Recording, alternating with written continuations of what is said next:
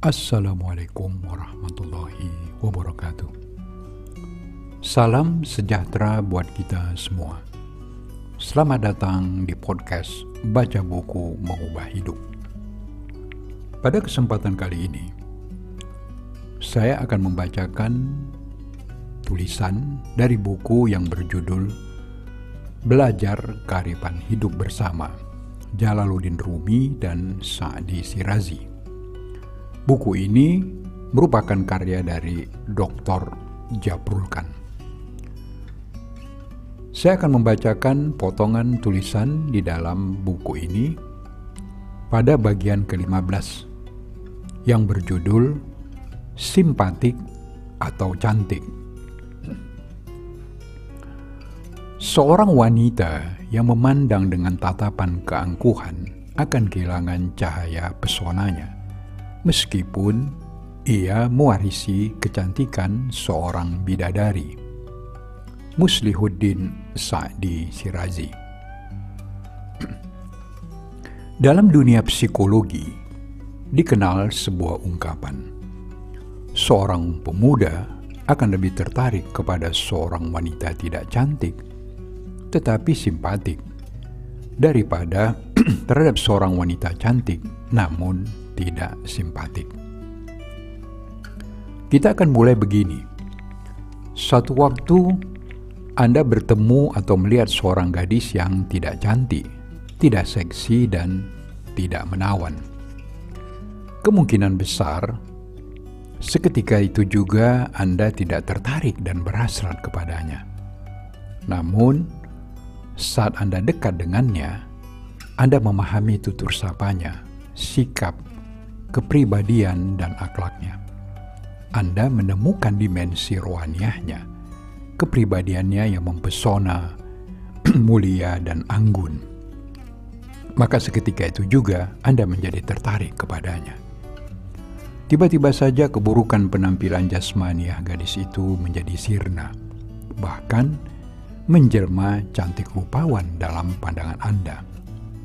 Alasannya, Kecantikan kepribadian atau aspek psikologi seorang memang mampu membus, membusanai keburukan dan kejelekan seseorang sehingga ia berubah menjadi jelita. dan seseorang yang sudah terpesona dengan keindahan rohani seseorang, dia tidak akan mempersoalkan penampilan jasa dia kekasihnya. Di sini berlaku filosofi Maulana Jalaluddin Rumi. Seseorang yang sudah terpesona dengan indahnya bunga mawar, baginya tiada duri. Di dalam kasanah psikologi modern tentang hubungan wanita dan pria, ada juga fenomena yang disebut dengan morning after syndrome atau sindroma esok pagi. Pertama bertemu dan melihat seorang gadis, Anda langsung tertarik dan segera falling in love terhadapnya. Namun, ketika sudah mengenal lebih jauh dan dekat, justru Anda kehilangan hasrat dan gairah untuk mencintainya. Mengapa kecantikan, keseksian, kejelitaan, atau segala penampilan fisikal seorang gadis yang begitu menakjubkan tiba-tiba saja tidak menarik lagi? Persoalan yang lazim adalah disebabkan tutur sapanya ketus, sikap dan perilakunya buruk. Singkatnya, kepribadian dan akhlaknya jelek.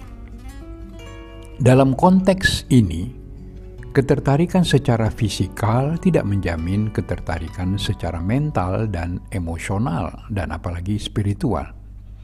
Karenanya, Pesona fisikal bukanlah jaminan terhadap pesona emosional dan spiritual.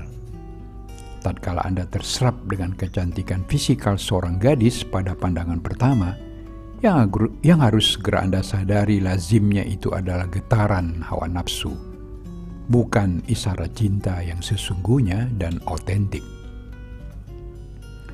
Mengenai fenomena ini, ada penelitian ilmiah yang cukup menarik untuk kita simak. John Gray, seorang psikolog terkenal Amerika Serikat dari abad kita ini, pernah dibingungkan oleh gejala tersebut di awal karirnya sebagai seorang konsultan mengenai persoalan-persoalan hubungan antara pria dan wanita. Gray didatangi tokoh-tokoh selebritis wanita sekali berdunia yang hampir memiliki segalanya. Harta kekayaan, ketenaran, serta wajah cantik menawan dan bodi tubuh yang seksi semampai. mereka baru saja menikah dan usia perkawinan mereka baru seumur jagung. Tetapi anehnya, para wanita papan atas ini melaporkan bahwa suami-suami mereka sudah tidak tertarik lagi dan merasa bosan terhadap mereka, bahkan nyaris telah kehilangan hasrat secara total kepada istri-istri mereka. Padahal sebelum menikah, para suami ini rela mengorbankan segala dan berani mempertaruhkan apa saja demi mendapatkan permata hati mereka tersebut. Tapi mengapa baru menikah beberapa bulan saja mereka sudah acuh tak acuh, tidak peduli dan tidak ada gairah sedikit pun lagi kepada kami? Baik, begitulah kira-kira keluhan para wanita selebritis kelas dunia tersebut. Awalnya John Gray bingung dengan kenyataan tersebut karena secara fisik wanita-wanita tersebut hampir mendekati tipe wanita sempurna atau ideal. Namun, lama-kelamaan setelah menyelidiki lebih jauh dan mengetahui karakter mereka yang sebenarnya, baik ucapan, sikap, dan tindakannya, tersikaplah permasalahannya. Gray menemukan bahwa kebanyakan mereka adalah wanita-wanita yang ketus ucapannya, kasar sikapnya, mau menang sendiri, tidak mau diatur oleh suami mereka, arogan dan sewenang-wenang. Meminjam terminologi agama, mereka adalah perempuan-perempuan yang memiliki akhlak mazmumah atau akhlak tercela.